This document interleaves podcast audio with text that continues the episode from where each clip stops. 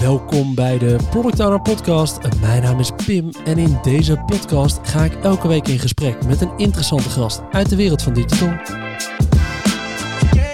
Deze aflevering heb ik Jochem weer tegenover me zitten in de podcast.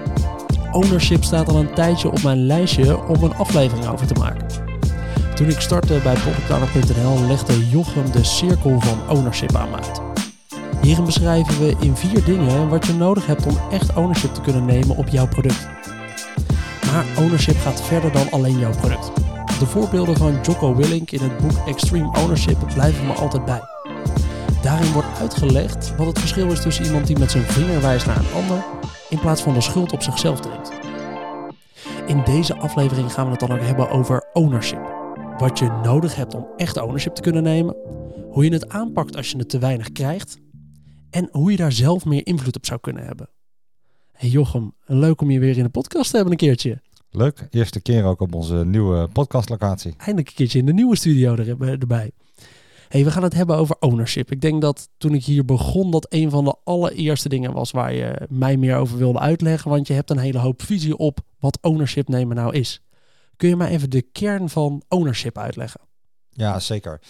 Dus ownership is in mijn of onze ogen uh, het nemen van maximale verantwoordelijkheid, zowel in gedrag als gevoel. Oké, laten we die even uiteenzetten. Maximale ja? verantwoordelijkheid ja? in gedrag en gevoel. Waarom gedrag en gevoel? Omdat je kan je enorm verantwoordelijk voelen voor uh, iets, ja? maar er niks mee doen. Dus dan kan je er letterlijk wakker van liggen. Ja. En dan hopen dat iemand anders het voor je oplost. En waar zien we, heb je een voorbeeld van wel ownership nemen of niet ownership nemen? Om het gelijk even uiteen te zetten. Een heel concreet voorbeeld. Het uh, niet nemen van ownership is dat iemand bij je langskomt en je zegt, nou dat is echt niet mijn probleem, dat hoort niet bij deze afdeling. Einde bericht. Ja, herkenbaar. Ja, zeker. Uh, wij zeggen, oh joh, hey, interessant, wat uh, wil je eigenlijk gaan doen? Nou, dan krijg je al een beetje informatie en zeg je, ja, oké, dat past eigenlijk net niet helemaal bij ons. Maar ik loop even met je mee. Of ik stuur even je mailtje door. Of je hebt je het mobiele nummer van Pietje. Uh, want ik denk dat zij je wel verder kunnen helpen. Kost je één minuut extra, wereld van verschil. Dus ownership is uh, uh, nogmaals het nemen van verantwoordelijkheid voor het oplossen van die hulpvraag in gedrag en gevoel. Het is niet zo dat stel die collega vraagt, joh, kan je mij helpen met een flyer en je doet niet, niks met flyers, dat je met een flyer moet gaan bouwen. Maar het is wel uh, ja, het zeggen, hey, fuck you, niet mijn probleem. Ja. Dat is echt het tegenovergestelde van ownership nemen. En wat is nou het probleem? Als je, als je nou gewoon lekker je werk doet en je neemt niet zo heel veel ownership, wat ontstaat er dan wat je niet zou willen hebben? Er dan staan heel veel dingen. Ik denk dat je in je persoonlijke ontwikkeling uh, echt een hele lage leercurve hebt. Hè, als je het allemaal maar over je heen laat komen of op je af laat komen. Ik denk dat iedere product owner in Nederland zal beamen dat er een interessant uh, stakeholdersveld omheen zit. Ja. ja, als je daar niet de regie in gaat nemen, uh, dan ben je aan de goden overgeleverd. Ja, dan word je overlopen door. Ja. ja, en dan krijg je jouw belangrijke stakeholders andere prioriteiten op een bord en zo. Dus dan gaat je product nooit het levensdaglicht zien. Ja. Of je krijgt een versie waar je in ieder geval zelf niet trots op gaat zijn. Uh, dus zowel in kwaliteit als snelheid, uh, op alle mogelijke fronten, is ownership echt wel een heel mooi ingrediënt en medicijn. Is het dan in de rol van product owner ook een veel belangrijker begrip dan voor veel andere functies? Nou, het feit dat het woord owner de helft van de rol is, uh, zou uh, in ieder geval de indruk wekken dat het zo is. Ja, precies. De, verder denk ik dat een product owner een veel minder afgebakend beroep is dan, uh, nou, ik zeg maar even, account manager of accountant. Hè. Die hebben daar ja. wat makkelijker kop en staart in hun rol. Dan plak je wat makkelijker zeg maar naam op een bureau. Hè. Dit is de account manager of de. En ja, ik denk dat als je stel we vragen 100.000 mensen op de Zuidas wel eens een product owner, dan weet de helft het niet, snap je? Dus dat is veel moeilijker. Ja. Um, dat, maar überhaupt als je dezelfde, als je nog eens een keertje 100 product owners zou vragen, wat doe je nou dagdagelijks? En je zet dat naast elkaar, dan hoeft dat ook niet allemaal hetzelfde te zijn. Nee, dat klopt. Daar ja. heb je helemaal gelijk in. Alleen wat er, wat er gebeurt is dat um, je dus naast dat mensen de rol niet kennen en je dus zelf eigenlijk de grenzen van de rol bepaalt, ja. Denk ik ook dat je op een speelvlak zit waarbij er heel veel partijen en mensen afhankelijk zijn van jouw input en van jouw output en van jouw uitkomsten. En dat maakt het als je een soort van middle of the road je een beetje mee laat voeren door de cadans van de organisatie. Ja, dat gaat niet werken. Ja. Is ownership nou iets wat komt met senioriteit of is het met name ook wel een eigenschap van mensen die ze hebben? Ja, goede vraag. Ik denk een combinatie van beide. Ehm, dus ik heb nu heel veel ownership, denk ik. Hè? Net als iedereen die bij ons werkt. Dus dit is waar we heel hard op selecteren. Um, of in ieder geval heel streng op selecteren. En, maar vroeger, toen ik zeg maar, weet ik veel, 15 jaar jonger was, zat dat echt niet in mijn top 5 van eigenschappen. Ik had wel een aantal kenmerken ervan al in me. Bijvoorbeeld heel zelfstandig kunnen zijn, uh, een groot verantwoordelijkheidsgevoel. Maar ik had niet alle facetten op een bepaald niveau ontwikkeld dat mensen mij zouden typeren als iemand die ownership neemt over een bepaalde situatie. Ik kan vroeger echt wel zeggen, dat is niet mijn probleem. Ja. Dat gaat nou echt niet meer gebeuren. Ja. Ja, ik denk dat, we, dat dat wel iets is wat je veel ziet bij jonge PO's. Hè. Mensen die net een beetje in een functie zitten, dat het ook wel moeilijk is, ook omdat de functie misschien niet zo afgebakend is, om ownership te nemen over heel veel dingen. En, en te durven zeggen, oké, ja, nee, dit neem ik ook op me en dat neem ik ook op me en ik ga het ook echt rocken. En als iemand naar me toe komt, dan ga ik ook gewoon zeggen dat het mijn probleem is. En als er iets in mijn team gebeurt, dan is het niet het schuld van het team, maar is het mijn schuld dat we dat niet eerder hebben opgemerkt. Ja. Ja, nee, kijk, ik wil ook niet zeggen dat, uh, dat iedereen die jong is uh, ownership beter moet leren of zo. Hè? Want we hebben bijvoorbeeld, nou, Pepijn die was vanaf dag één echt een killer op dit front. Hè? Toen hij, weet ik, van een jaar of drie geleden bij ons binnenkwam. En toen kwam hij net uit schoolbanken. Ik denk dat het ook te maken heeft met het mentorschap dat je de eerste jaren om je heen hebt. Ik denk dat je vanuit, daar heb geen onderzoek naar gedaan of iets over gelezen, maar ik denk dat als je, ik denk dat iedereen wat trekjes overneemt van zijn eerste uh, manager of iemand, buddy, weet je wel. Ja. Als je heel de dag naast iemand zit, uh, in je eerste baan, drie jaar lang, dan ga je er toch dingen van overnemen. Ja, precies. Dus het is ook wel denk ik een beetje lead by example, snap je? Ja, eens. Oké. Maar ik denk dat we wel redelijk vaak, of voor mijn gevoel krijgen we redelijk vaak te horen, ik heb niet zo heel veel ownership binnen mijn bedrijf. Zeker. Zeker. Hoe, hoe ga ik dat voor elkaar krijgen? Ja, daar hebben we ondertussen wel een redelijk beeld van, toch? Nee, dat denk ik ook. Dus uh, ik, ik denk dat het niet zo vaak gebeurt. Iemand zegt, we komen ownership tekort. Ja. We horen dan vaak, ze krijgen het niet geregeld of zo. oh, ze. Ja, nee, dat ligt aan ze inderdaad. Ja, ja. dat is goed, jongen. Uh, uh, dus dan, en, uh, in een, we hebben een aantal keer nu, ik denk een keer of drie of zo, hebben we gewoon workshops gedraaid met klanten, waarin ownership centraal staat. Dus wij weten vanuit de vakliteratuur en vanuit alle online content hebben echt een goed beeld bij welk gedrag bij ownership hoort, wat voorwaarden zijn voor ownership. Dus aan de medewerkerskant en aan de organisatiekant. Dat printen we dan uit op een hele grote post, een beetje zo'n bushokje abri. Dan krijgen mensen stickers, gaan maar dot wat bij jullie in de organisatie het belangrijkste is. En dan zeggen we daarna oefening, wat mis je het meest? Of mis je in het hele lijstje nog iets, weet je wel, missen nog een soort van begrip nummer 13. En dat zijn oefeningen die aan zich niet zo heel veel toevoegen, maar het, het voedt en het vangt een discussie. Uh, ja, en dan ja, lukt het dus ook wel om daarna, weet je, aan de, zeg maar, dat is dat een beetje het ochtendprogramma. Het middagprogramma is oké, hoe gaan we dit nou aanwakkeren in de organisatie? Wat is nou gedrag wat we willen uh, belonen? Wat is nou het gedrag dat we willen zien? Hoe kunnen we zelf het voorbeeld geven? Ja. Dat soort dingen. Dat is wel, dan, help, dan help je een organisatie. Het is volgens mij niet een soort van quick fix. Nee. Uh, je moet van 0 naar 1 en van 1 naar 2, weet je, dan, zo kom je uiteindelijk uit bij 100. Um, ehm, maar denk ik wel, uh, ja, wel geinig om dat te mogen zien bij dat soort clips. Ja, precies. Is dat ook het moment dat je wel ontdekt dat heel veel organisaties hun mensen ook wel limiteren in hoeveel ownership ze zouden kunnen nemen op dingen? Omdat er ook bijvoorbeeld een gebrek aan mandaat is. Ja, ik geloof in de kern dat iedereen over een enorm hoge dosis ownership kan beschikken. Uh, dus ik heb bijvoorbeeld, ik heb heel lang in magazijnen rondgelopen uh, toen ik net uit school net van school was. En dan hadden we jongen lopen op inkomende goederen en die moest opeens gaan scannen. Dus die moest inkomende pallets gaan scannen. Ah, dat lukte allemaal niet en de wilde niet en dat ding deed het niet. En met een computer werken deed hij niet, weet je wel. Ah, super veel strijd. Nou, prima. Een paar maanden later teamuitje of even iemand een illegale stream van Barça Real op het scherm kon krijgen. Had hij binnen twee minuten gefixt, hè? Snap je? Dus dat zit er niet in kennis of in vaardigheden. Ja. Dat zit er gewoon in, ja, wat wil je nou ownen? Snap je? Wat, Dus blijkbaar hebben we in dat voortraject met dat hele stuk techniek, die loods in donderen, uh, hebben we ergens een paar slagen gemist, waardoor hij dacht, ja, uh, mij niet bellen. Laat maar zitten. Ja.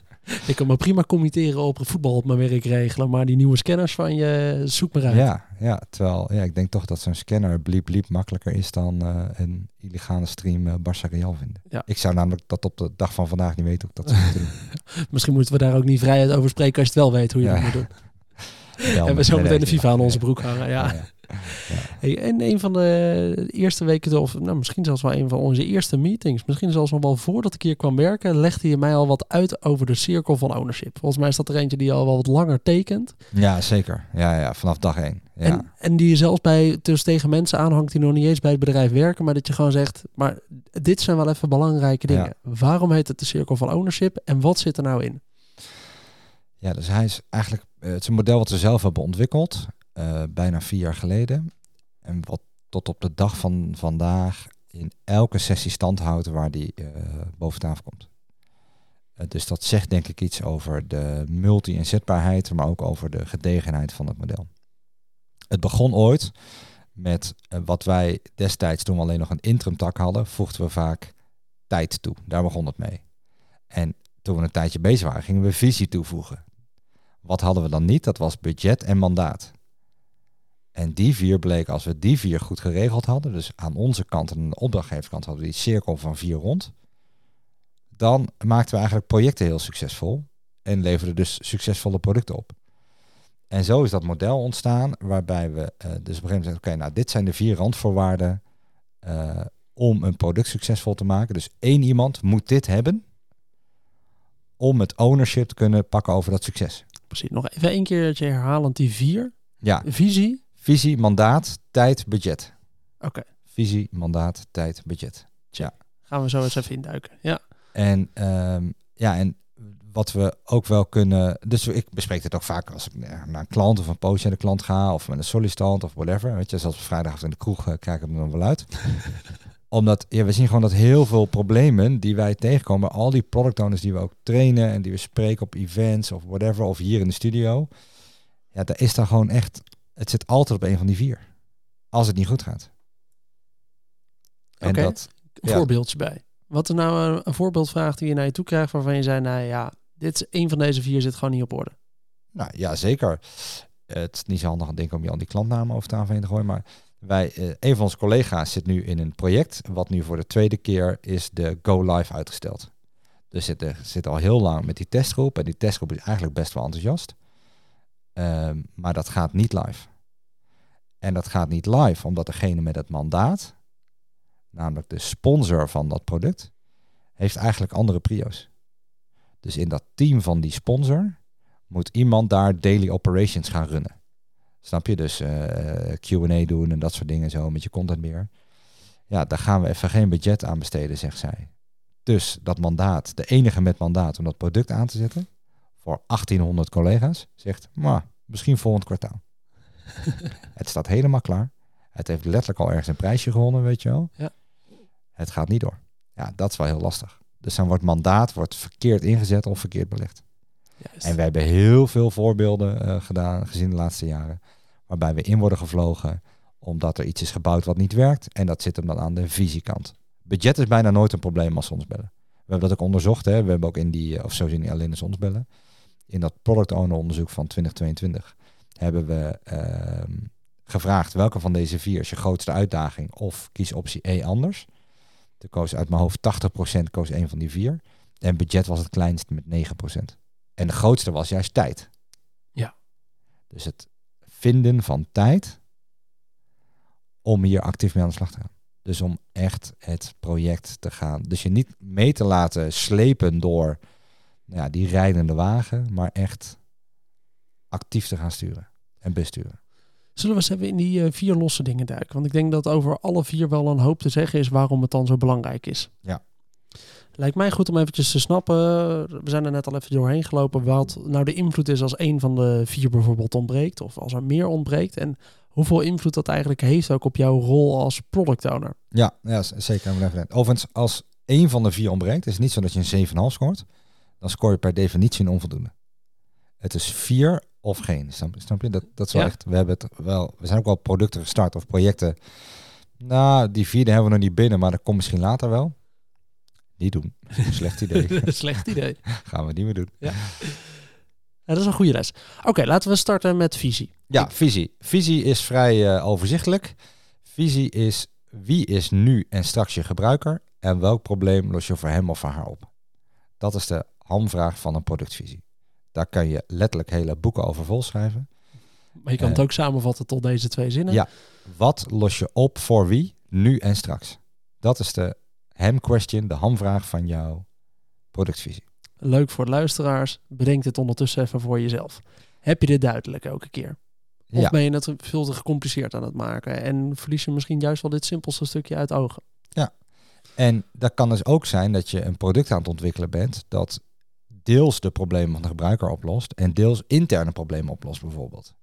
Dat kan, we begrijpen dat je af en toe dat soort concessies moet doen, um, maar de gebruiker moet centraal staan bij de productvisie. En dat ontbreekt heel vaak. We spreken zoveel, jij ook, je spreekt zoveel product owners die niet eens contact mogen hebben met de klant. Ja, of, of het bedrijf is daar niet mee bezig. Of het bedrijf is zo groot dat er een CX-afdeling tussen zit. Waar je op zich wel een hoop input uit kan halen. Maar ook wel echt een beetje het contact met die klant verliest. Ja. Of je krijgt alleen maar grote bedrijfsdoelstellingen door. Nee, nee, we willen de komende vijf jaar echt dit voor elkaar gaan krijgen. Dus bedenk maar even wat dat binnen jouw product is. Uh, Mag ik niet zelf even aan die klant gaan vragen wat dan zijn probleem is? Nee, nee, nee, nee. We, we weten wat er aan de hand is. Dit moet je gaan doen. Oké.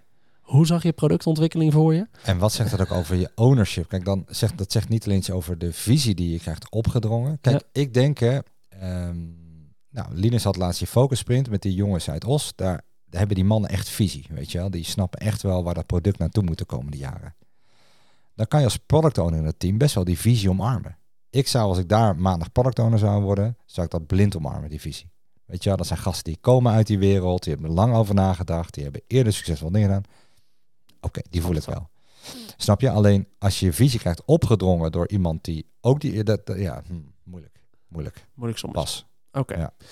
Laten we volgen, doorgaan naar het, eh, naar het tweede blokje van, uh, van de cirkel. Ja, mandaat. Mandaat is uh, plat gezegd de regelruimte die je krijgt. Dus in welke mate kan jij zelf dingen gaan regelen en daar is beslissen een groot onderdeel van. Wij denken dat een groot onderdeel van mandaat krijgen is vertrouwen krijgen.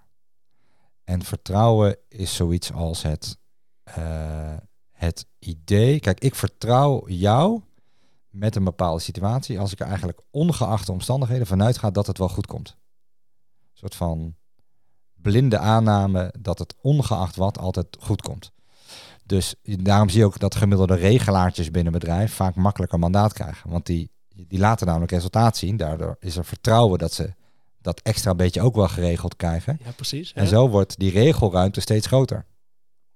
In kwantiteit, als in hoe, over hoeveel dingen mag je beslissen. Maar ook de kwaliteit, hoe groot mogen je beslissingen zijn. Ja, ik denk dat dat voor veel mensen een moeilijk is. Hè? Heel moeilijk. Want je krijgt bijvoorbeeld een product lead boven je. Zeker. En uh, die zet dus op je, op je productleiding. Oké. Mag je dan nog zelf tegen de product lead zeggen... Ja, mijn product, ik weet eigenlijk echt wel even beter wat hier veranderd moet worden de komende periode. Uh, ik ga me de team prioriteit geven hieraan. Wat doe je dan als je product lead zegt... Nou ja, ik denk dat we die kant op moeten. Ben jij degene met het mandaat die die beslissing door mag zetten? Ja, kijk, ik denk sowieso dat iedere product owner zou een mandaat moeten hebben op sprint en epic niveau. Ja. Dus gaat deze epic wel of niet mee? Ja. En ik mag zelf bepalen, dat doe je natuurlijk met je team, hè, sorry. Dus met het team bepaal je wat is het sprintdoel, welk werk gaat er voor de sprinter om dat sprintdoel te halen. Als je dat mandaat niet hebt, dan scoor je een onvoldoende. Zeg maar. Dus laat dat even de baseline zijn voor die, uh, voor die luisteraars van vandaag. De baseline zou moeten zijn, ik mag zelf bepalen wat er in de sprint komt. Als je dat niet hebt, heb je daar een. Ehm, in dat geval van die product lead, ervan uitgaan dat, dan, dat daar dan ook een stuk hiërarchie in zit. Als je mandaat niet hebt, altijd vragen stellen. En niet van hoe kan het nou dat, maar hey, oké, interessant. Vertel eens wat over je visie. Hoe kom je tot die visie? Meenemen in dat onderzoek daar naartoe? Uh, ik wilde, dus weet ik veel, stel uh, jij wil iets, uh, jij wil een, uh, linksaf en ik wil rechtsaf. Oké, hoe groot is dat gat dan? snap je waar ik vandaan kom? zie jij mogelijkheid om dan misschien rechts daarna te gaan doen?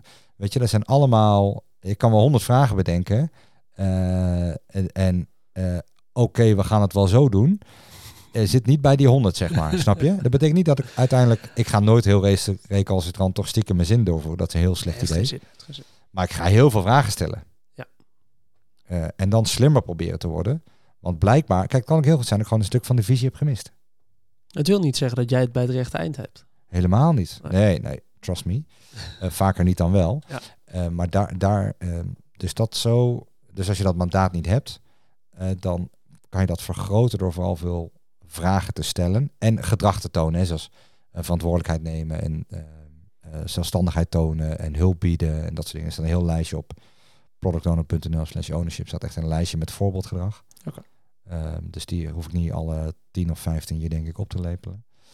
Um, en je ziet ook dat mensen mandaat hebben, zelfs een product lead heeft mandaat. Ja, dan kan het best zijn dat het mandaat niet wordt ingezet, hè, omdat hij of zij ook geen tijd heeft. Of dat het verkeerd wordt ingezet, omdat daar visie ontbreekt. Of omdat hè, daar ook druk zit en zo. Dus ja, het is nog een reden om het lekker bij jezelf te houden, dat mandaat, snap je? Ja. Oké, nummer drie. Goede opsomming van mandaat. Ja. Ik wil toch nog één ding, ik wil even oh, mezelf corrigeren. Ik zou mandaat uh, door willen geven. Dus ik stond laatst stond ik ergens uh, voor een groepje mensen en toen kwamen we al discussiëren tot de conclusie mandaat is iets wat je wilt doorgeven naar het team. Dus, als ik, dus zeker als ik product lead ben, dan wil ik dat die PO's mandaat pakken. Snap je? En dat ze naar me toe komen als ze er echt zelf niet uitkomen. Dus pass it forward, denk ik. Oké, goede aanvulling. Dank je. Tijd. Tijd is het grootste probleem voor product owners. Ik denk dat dat eigenlijk voor heel veel werkende mensen is in Nederland. Hè? Dus daar is geen... Uh, geen uitzondering. Ik denk niet dat dit de titel van de podcast eh, hoeft te worden. Nee, precies. Um, maar het is wel dus een ding. En je moet tijd hebben om... Kijk, een productvisie bouwen kost ergens tussen de 40 en de 60 uur of zo gemiddeld. Er was een lijstje voor gemaakt. Dus uh, trust me on this one, tussen de 40 en de 60 uur. Ehm, maar ja, waar, waar ga je godsnaam 60 uur tijd vandaan halen als je nog voor de kerst een visie wil bouwen? Dat is best lastig. En dan moet je daarna die visie ook nog gaan uitdragen naar iedereen. Dus dan wil je, nou, pak even je top 10 stakeholders, weer tien keer een uurtje, weet je wel. Dus, dat, dus tijd is erin echt wel een beperking.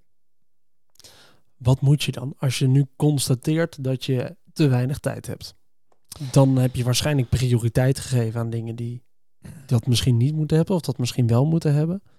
Ja, ja kijk, we weten, we weten ook dat veel mensen, eh, iets meer dan 40% heeft een rol naast hun taak als PO. Je, dus stel, je bent ook verantwoordelijk voor, uh, nou, noem maar iets op, voor uh, het onboorden van uh, nieuwe collega's in de IT-teams. Ja. Je, je, kan moeilijk zeggen, dat doen we drie maanden niet. Dus, dan, dus je kan niet alles zomaar aan de kant joekelen. Ik denk wel dat je als product owner jezelf af moet vragen: ga ik of nu 40, 60 uur steken in het bouwen van een productvisie? Ja. Of accepteer ik dat wat ik oplever in het volgende kwartaal een soort van Russisch roulette is? Het kan werken, maar het kan ook vreselijk misgaan. Kies maar. Een beetje product owner gaat hopelijk. En je hoeft niet in één keer, uh, zeg maar, uh, eh, 60 uur achter elkaar. Dus dat je een dag of 7, 8 niet op kan dagen. Dat hoeft helemaal niet. Maar ik zou bijvoorbeeld, stel ik ga maandag ergens beginnen bij die product lead en ik moet mijn eigen productvisie gaan bouwen.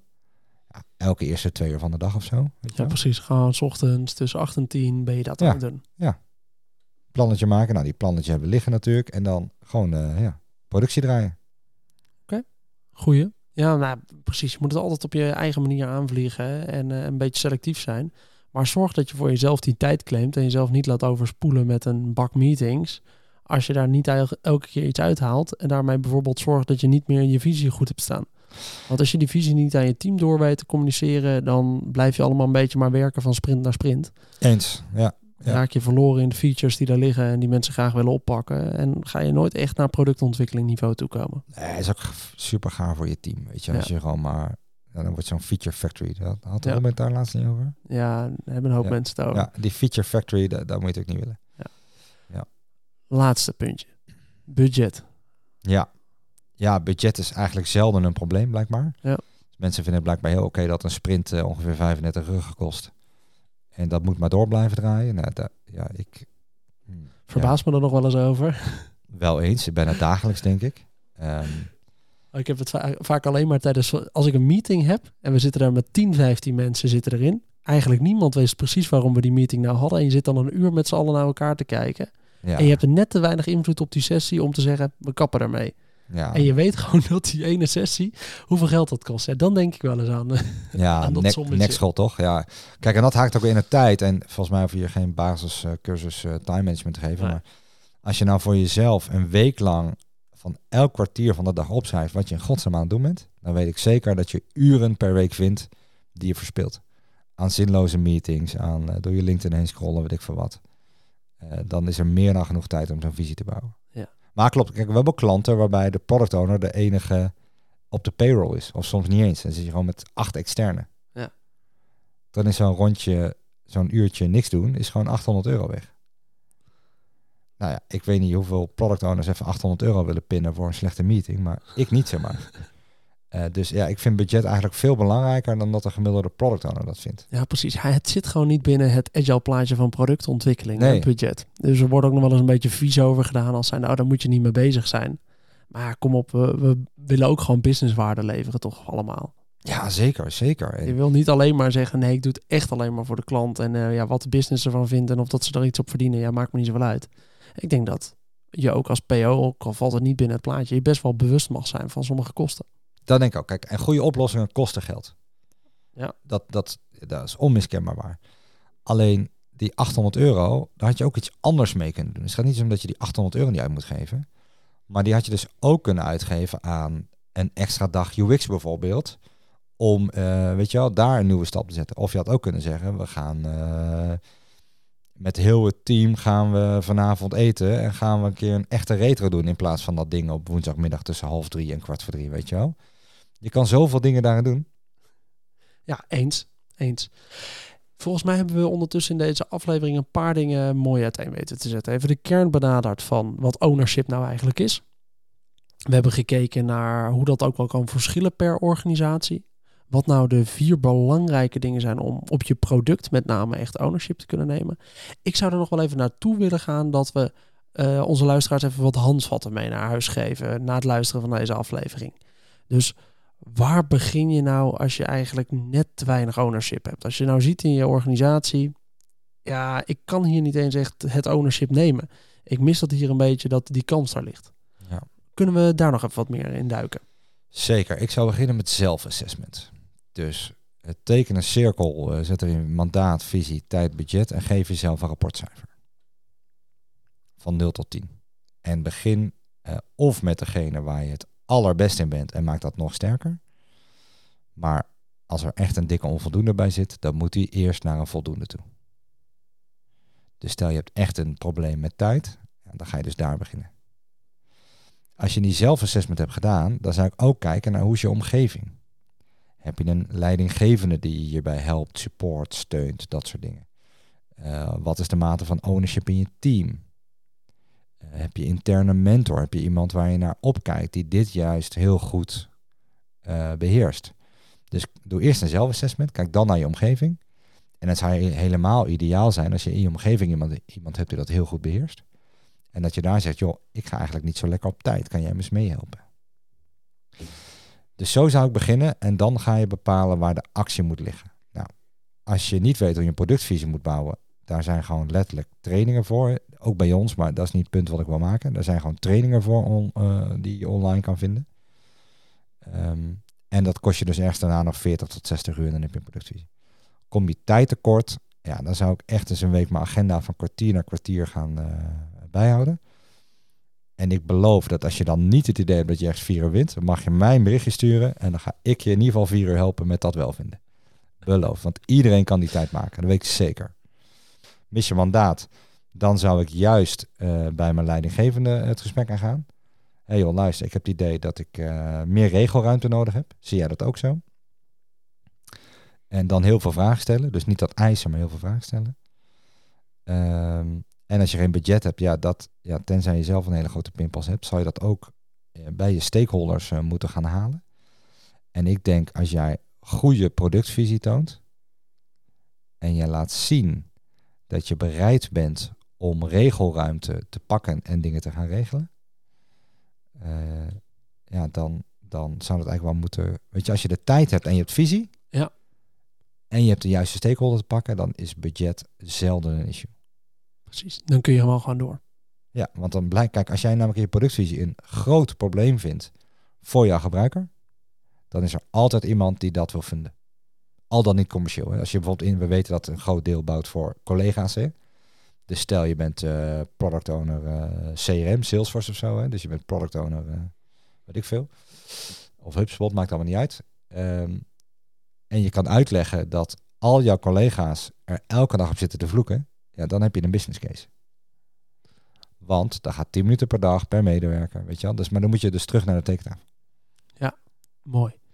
Jochem, ik vind het een uh, leuke aflevering. We gaan uh, richting het einde. Um, we hebben net al eventjes teruggeblikt. Ik denk dat dit nog wel een paar goede handvatten zijn om mee te starten als PO.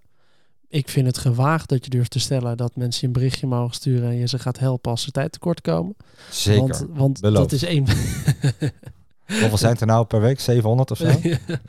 ja. Kom erop, 700 Ja, 700 mailtjes in je inbox. Oké, nou ja, dan uh, vrij gewaagd, maar daar komt hij. Nee, want dan ga ik je eigenlijk gelijk vragen, als luisteraars hier nou nog een vraag over hebben, uh, rond de ownership. Mogen ze dan een bericht sturen weer via LinkedIn? Nee, sowieso. Kijk, en op, slash, op productowner.nl slash ownership staat al een heel stuk theorie. Ja. We hebben natuurlijk Extreme Ownership van Jocko uh, Willink, het boek. Um, ja, maar ook daar moet je tijd voor maken, weet je wel. Dus het begint wel met... Uh, het begint met zelf een eerste stap zetten en wij kunnen altijd helpen. Het begint bij prioriteit geven aan het hebben van ownership. Ja. Toch? Ja, dus moet je de pijn goed voelen. Ja. Gaaf. Nou, stuur vooral even een berichtje naar uh, Jochem nu op LinkedIn als je daar nou nog even wat over wil, wil weten. Dan bedank ik iedereen weer voor het luisteren naar deze aflevering van de Product Owner Podcast. Vond je het nou een leuke aflevering? Vergeet dan niet om deze podcast een leuke review te geven op jouw favoriete podcast app. Heb je nou nog vragen of een opmerking voor mij naar aanleiding van deze podcast? Stuur me dan vooral een mailtje op pim.productowner.nl of via LinkedIn. Dat is Pimpot. En dan hoop ik dat je de volgende keer weer luistert. Tot dan!